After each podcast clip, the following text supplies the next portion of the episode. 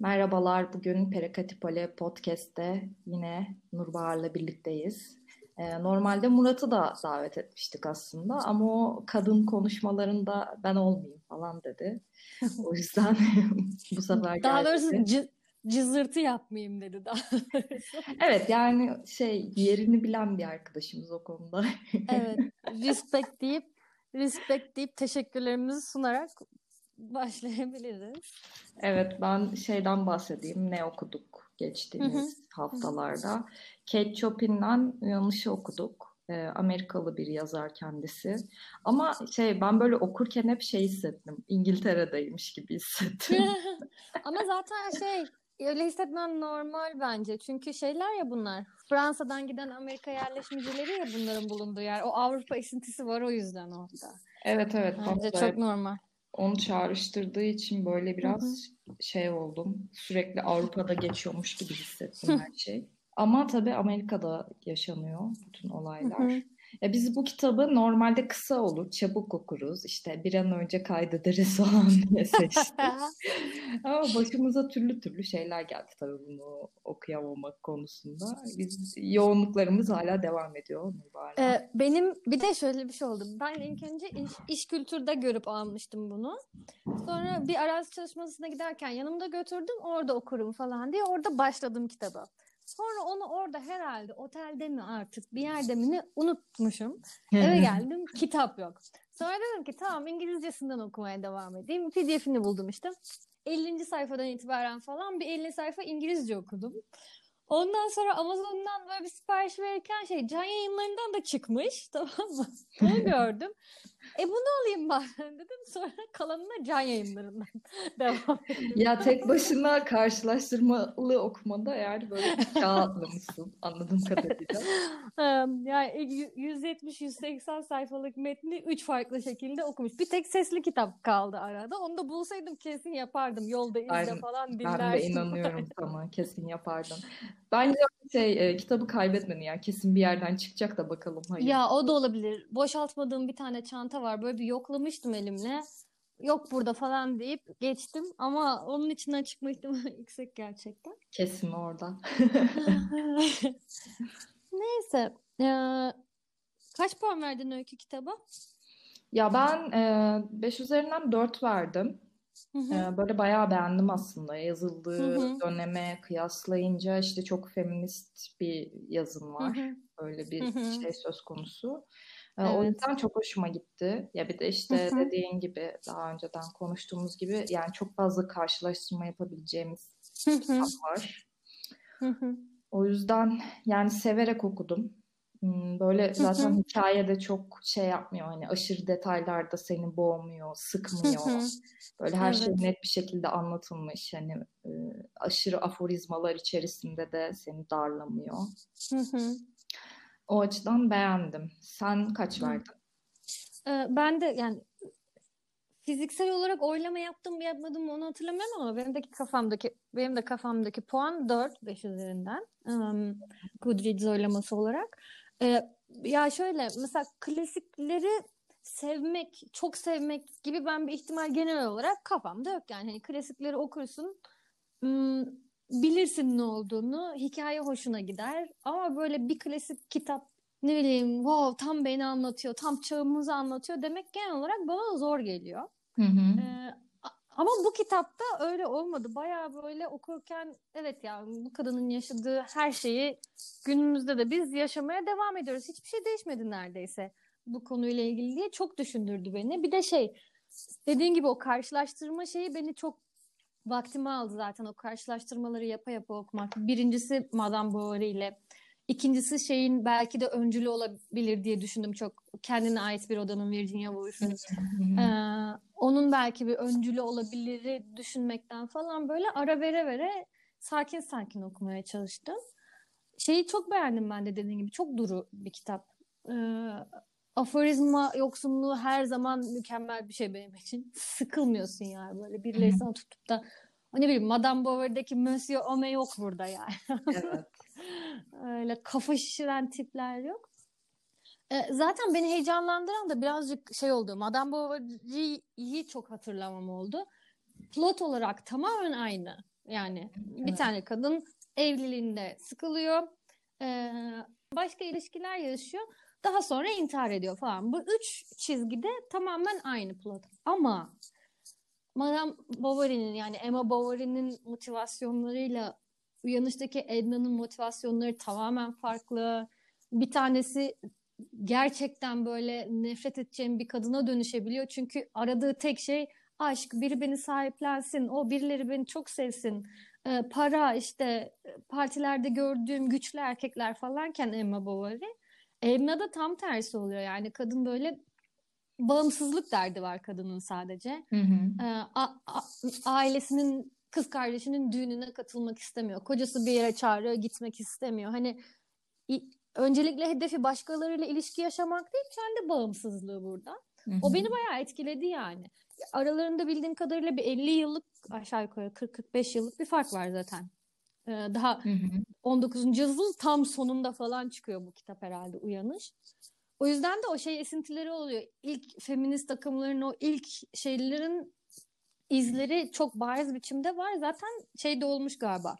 İlk basımından sonra rafa kaldırılmış ve böyle hı hı. 1950'lerde 60'larda feminist araştırmacılar tarafından tekrardan böyle kazılıp çıkartılmış kitaplardan biri diye okudum. Çok emin değilim bundan yine. Ee, öyle başladım direkt daldım konuya ama Bence iyi oldu. bir kitap oldu çünkü beni. Heyecanlandırdı yani. Şey özellikle 19. yüzyılın sonunda hadi 20. yüzyılda da ne falan ne olursa olsun evli bir kadının kendine anneliği ve işte birinin karısı olmayı konduramamasıyla, kendini o kalıplara sokamamasıyla yaşadığı o mücadele ve bu mücadelede kısmen başarılı olup kendi evine çıkması. Evet. Hani böyle kendini o özgür alanı yaşa- yaratması, kendi parasını kazanacak üretimi yapması falan filan beni etkiledi yani. Hı hı. Hmm, öyle. Ya bu da aslında benim için de güzel bir zamana denk geldi. Yani malum ben de kendi evime çıktım yakın zamanda. Böyle düşününce ya biraz e, yani çok Virginia Woolf vibe'ında olacak ama kendine ait bir alan oluşturmanın e, herkes açısından çok önemli bir şey olduğunu düşünüyorum. Yani sadece kadınlar değil, e, erkeklerin de aynı şekilde yani böyle bağımsız bir birey olarak nasıl yaşayabildiklerini görmeleri açısından e, önemli bir şey olduğunu düşünüyorum. O açıdan e, değerlendirince ya böyle bir bir şeyi hedeflemek, bunun için çalışıyor olmak, e, bunu bir hayal haline getirip daha sonrasında gerçekleştirmek için gerekli adımları atıyor olmak e, heyecan vericiydi yani o açıdan. Beni de o durumlarla kıyaslayınca tabii çok heyecanlandırdı. Yani böyle değerlendirince çok hoşuma gittiğini düşünüyorum açıkçası.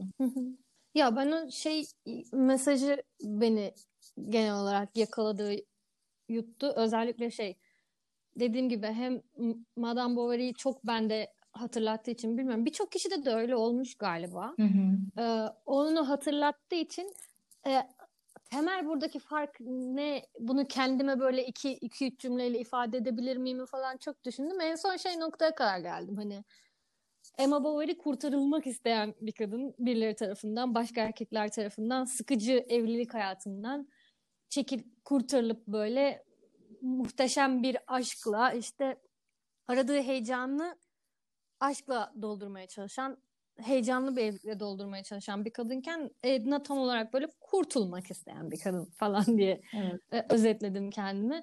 Yani sizin aile bağlarınızdan da işte evlilik derdinizden de sonuçta bir de şey var kocası birazcık da şey objectifying bir adam işte bunu görüyor işte sınırların çok ötesinde bronzlaşmışsın işte şikayet ediyor bunu benim karım hiç ev, ev aile yaşantısına uygun davranmıyor falan filan gibi şikayetleniyor da ara sıra. Hani kadın da tam olarak bunlardan kurtulmak istiyor ve bu kurtulma isteğini ben bayağı içimden, içimde bir yerde anlayabiliyorum. Bilmem. Anladım. Ya evet şey o Madame Bovary ile tabii kıyaslayınca aynı şeyleri hissettiriyor. Ya buradaki şey güzel yani kendini tanımlamak için e, rollerini e, benimsemiyor. E, böyle mesela hani her şeyden vazgeçebilirim ama kendimden vazgeçemem dediği bir nokta var ha, ya. Evet. Yani mesela evet, o kısım evet. çok etkileyiciydi benim için. Ya çünkü Hı hı. e, insanın kendi varlığıyla barışık olması, kendi varlığını e, anlamlandırabiliyor olması. Yani tabii bu şey şeklinde düşünmek biraz böyle şey olabilir. Fazla gelebilir. Hani insan kendi varlığını anlamlandırmadığı sürece işte hiçbir şey önemli değildir demiyorum. Ama e, yani burada e, çocuklarından, eşinden, e, ait olduğu sosyeteden bağımsız olarak kendini bir noktaya koyuyor olması, sevdiği şeyleri yapmak için hı. zaman ayırıyor olması, kendini o yönde geliştirmeye çalışıyor olması. Hatta o dönem için hı. yani e, düşününce çok çılgın sayılabilecek nitelikte kendi parasını kazanıyor olması falan çok etkileyici niteliklerdi. Ve hani bu şekilde bağımsız bir alan çizmeye başlaması yani beni çok mutlu etti. Yani düşünüyorum kaç sene aradan kaç sene geçmiş yani.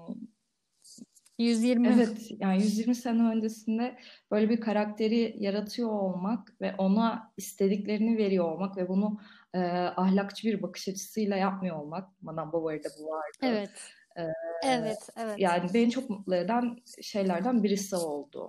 Bir de şey bu ana mesaj dışında beni benim çok hoşuma giden şeyler de vardı. Mesela o şey Grand Isle mıydı şey yaptıkları yaz tatilini geçirdikleri hı. İşte oradaki den- deniz havası olsun, kalabalık akşam yemekleri olsun falan onlar da bana çok tatlı geldi. Çünkü bayağı hasretini çektiğimiz şeyler muhtemelen. Evet. İşte iki ha- hangi yıldayız? 2021 Ocak. Aynen. Yani. 2021 yılının Ocak ayında gerçekten bir insanın tabii ki en büyük ihtiyacı bu değil ama hasret kaldığımız şeylerden biri güzel bir deniz, kum, güneş üçlüsü ve kalabalık arkadaşlarla yenen akşam yemekleri. Ee, Onlar falan da tatlı geldi yani bana bilmiyorum. Ve böyle çok tatlı yan karakterler vardı. Mesela bir tane kadın vardı ya piyanocu. Hmm. İsmini okuyamıyorum onun. Hmm. Piyanist. İsmini okuyamıyorum ama hani onun varlığı falan da hoş detaylardı. Hı. Ee, ama bir tane daha bir kadın vardı. Arkadaşı olan ama bu tam olarak bu işte anne rolünde olan ölürken hatta Edna'nın kulağına çocuklarını düşün çocuklar falan filan diyen evet. kadın. Arkadaşlar ama Böyle tam şey profili olarak adına bakıyordum da şimdi Ratignol mu? Öyle bir şey. evet evet evet aynen o kadın. Mesela onunla birlikte zıt karakterler ama arkadaş olarak resmedilmeleri de benim çok hoşuma gitti. Çünkü şey oluyor ya böyle sanki bu toplumsal rollere uyan kadın bu toplumsal rolleri reddeden kadının düşmanıdır gibi Hmm, evet. anlatı kuruluyor ya çoğu Hı. zaman. Hani o beni genelde rahatsız ediyor yani. Onun olmaması burada çok hoşuma gitti. Kol kola da yürüyorlar, arkadaşlık da ediyorlar, yarenlik de ediyorlar diyebiliriz yani Evet. birbirlerine. Bence o da çok tatlı bir detaydı. Ya şey böyle Em, kumsala birlikte gitmiyorlar mıydı onlar? O, o muydu? Aynen, Yani aynen, böyle aynen. birbirlerine yani bir sürü şey anlatıyorlar. İşte Edna Aynen, aynen. kendisiyle ilgili yapmak istediği şeyleri ilk defa belki sesli olarak o anda dile getiriyor yani. Ve her ne kadar karşısındaki insan e, bunları yeteri kadar böyle anlayabilecek ya da işte o, kendisini onun yerine koyabilecek bir noktada olmasa da anlamlandırmaya çalışıyor falan. Hani güzel bir gün geçiriyorlar birlikte. Evet, O evet. da evet biraz kız kardeşlik teması üstüne düşününce o Aynen. açıdan da çok tatlı. Şehre döndükleri zaman falan da buluşup görüşüyorlardı ara sıra. Ziyaret ediyorlardı birbirlerine falan. Güzeldi yani bence o. Hani Edna'nın bu kendi bağımsızlığını ararken bağımsız olmayanları kendine düşman bellememesi ya da bununla bir derdi olmaması bence hoş bir detay. Evet. Ee, bir de belki şey geliyor aklıma. Edna'nın bu ilişki kurduğu erkekler Lebrun Lebrun diye okunuyordu herhalde. Hı Lebrun ve hı. Hani bu iki erkeğin de bahsini edebiliriz belki. Ee, ya böyle aslında ya kitapta ne- her ne kadar çok isimleri geçse de yani onlarla ilgili şeyler anlatılsa da çok önemli karakterler olduğunu düşündürtmüyor mesela. Bu da çok güzel bir şey.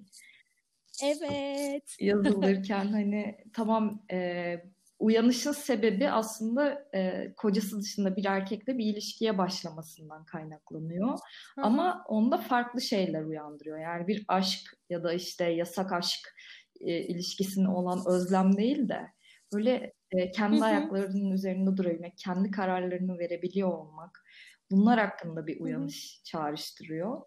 Evet. O açıdan bu ilişkileri de çok güzel bağlamış bence yazar. Yani e, her zaman her şeyi aşka bağlayabiliriz. Evet yani toplumumuzun yüzde 98'i bu şekilde işliyor zaten. Ama e, burada birisini sevmenin sadece işte kendinle ilgili bir şey olduğunu, kendi tercihlerinle ilgili bir şey olduğunu anlayabiliyorsun aslında. O açıdan çok evet, hoşuma gitti evet. benim de. Ben de şeyi sevmiştim mesela.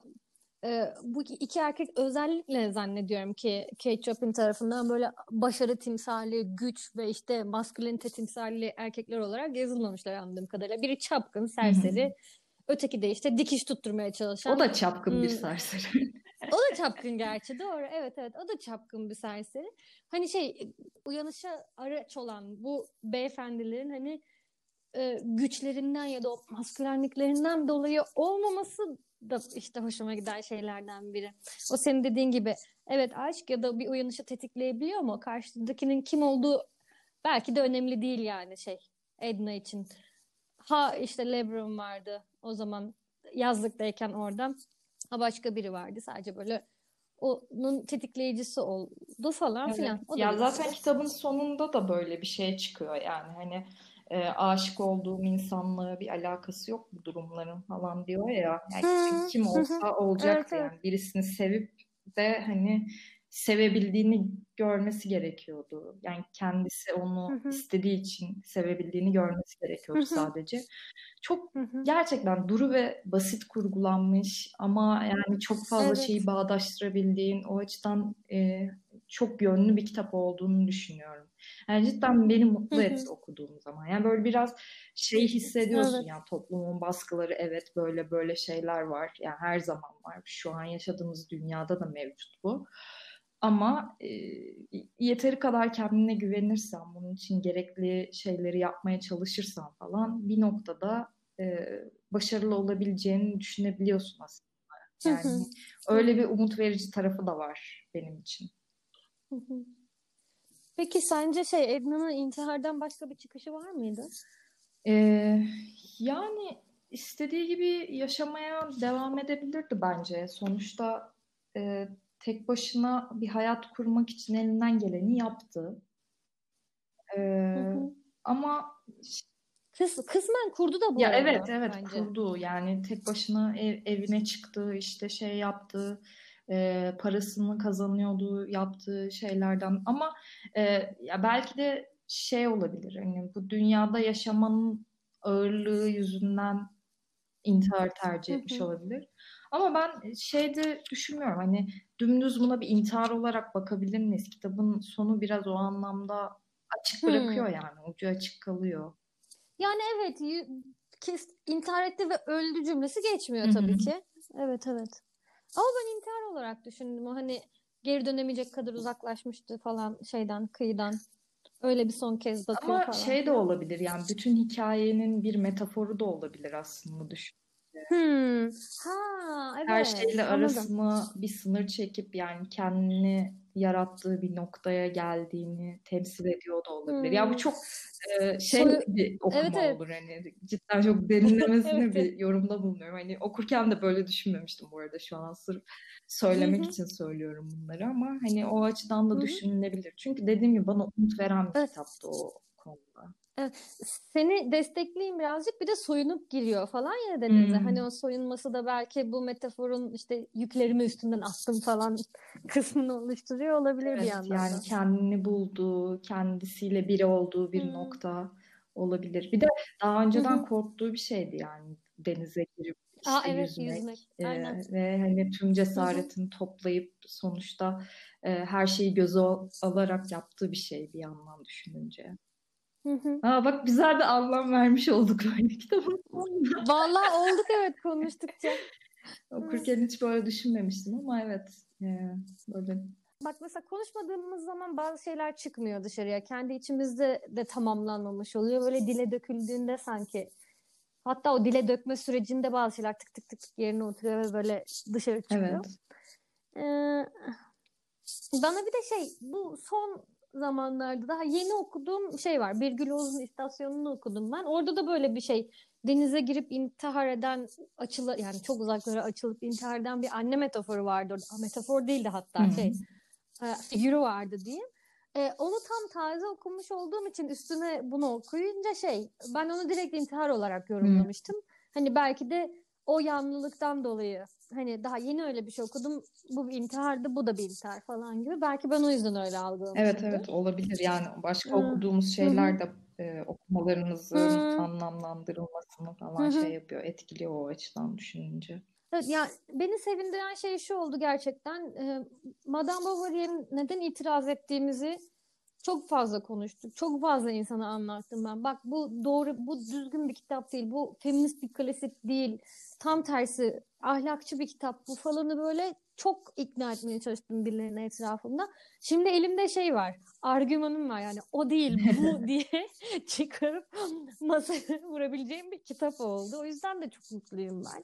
Hani o itiraz ettiğim her şey burada doğru yapılmış gibime geliyor benim. Ya doğru yanlış demek değil de hani beni mutlu eden şekilde yapılmış evet. diyebilirim evet, mesela. Evet. Ya öyle düşününce doğru söylüyorsun. Yani bir de bunun örneklerini sadece yani Madame Bovary'e karşı okuduğumuz bir sürü kitap oldu bizim bu sene içerisinde. Yani geçtiğimiz tabii, sene tabii. içerisinde. Tabii tabii. O yüzden yani hı hı. E, daha iyi örnekler her zaman mevcut. Böyle evet, evet. E, bizi e, daha okumaya bağlayabilecek, işte daha fazla bağlantı kurabileceğimiz örnekler yani. Hı hı. O da bunlardan birisi oldu benim için. Evet.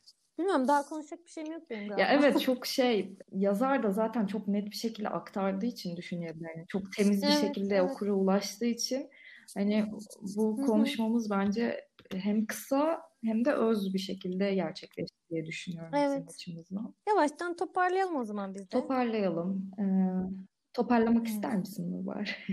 ee, isterim. ne okuyacağımızı aslında onu söylüyoruz hep böyle sonlarda bir sonraki podcastımız şu olacak diye. Ee, Uğultulu Tepeleri bir konuştuk aramızda ama ben bunun sözünü vermek istemiyorum buradan çünkü bu kadar yoğun bir dönemimizde okumak için biraz uzun bir kitap. Yine o kadar uzun değil hani ya. 350 mi? sayfa mıydı neydi öyle değil bir şeydi mi? sanki yani. Yani öykü bu, bu 170 sayfaydı. Bunu okuyamadık. yani, yarısıydı yani nereden baksan. Hmm. Ama şey çok büyük ihtimalle Uğultulu Tepeler olacak diyelim. Bir aksilik çıkarsa zaten duyurusunu da yaparız bir şekilde yani. Instagram'a, Twitter'a, oraya bir yere, oraya buraya bir yerlere evet. yazarız. Vazgeçtik biz Uğultulu Tepeler'den. Ama daha kısasını bulabilir miyiz ee, bizim şimdi... listede bilmiyorum.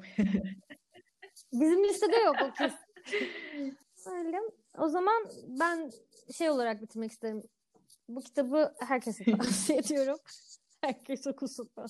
Bundan da çok çekiniyorum genel olarak birilerine bir kitap tavsiye ederken. Çünkü beğenmezlerse ya bomboş övmüş olursam o kitabı falan diye çok korkuyorum bize güvenen ama. herkes okusun hani klasik, var. Evet. Bize güvenen bu kitabı okuyabilir. Klasikleri bilmek ve dönem koşullarını birazcık anlamak için okuma yapanlara must read diyebilirim ben bu Hı-hı. kitap için. Senin son cümleleri. ya ben de çok beğendim. Okurken de keyif aldım. Yani böyle akşam vakti işte e, işten eve geldiğimde beni rahatlatan bir kitaptı yani elime aldığımda okuduğumda. Mutlu eden bir kitaptı. O yüzden öneriyorum ben de. Alright. O zaman bir sonraki podcast'te %90 uğultulu tepeler, %10 başka bir kitapla. Görüşmek, Görüşmek üzere. üzere.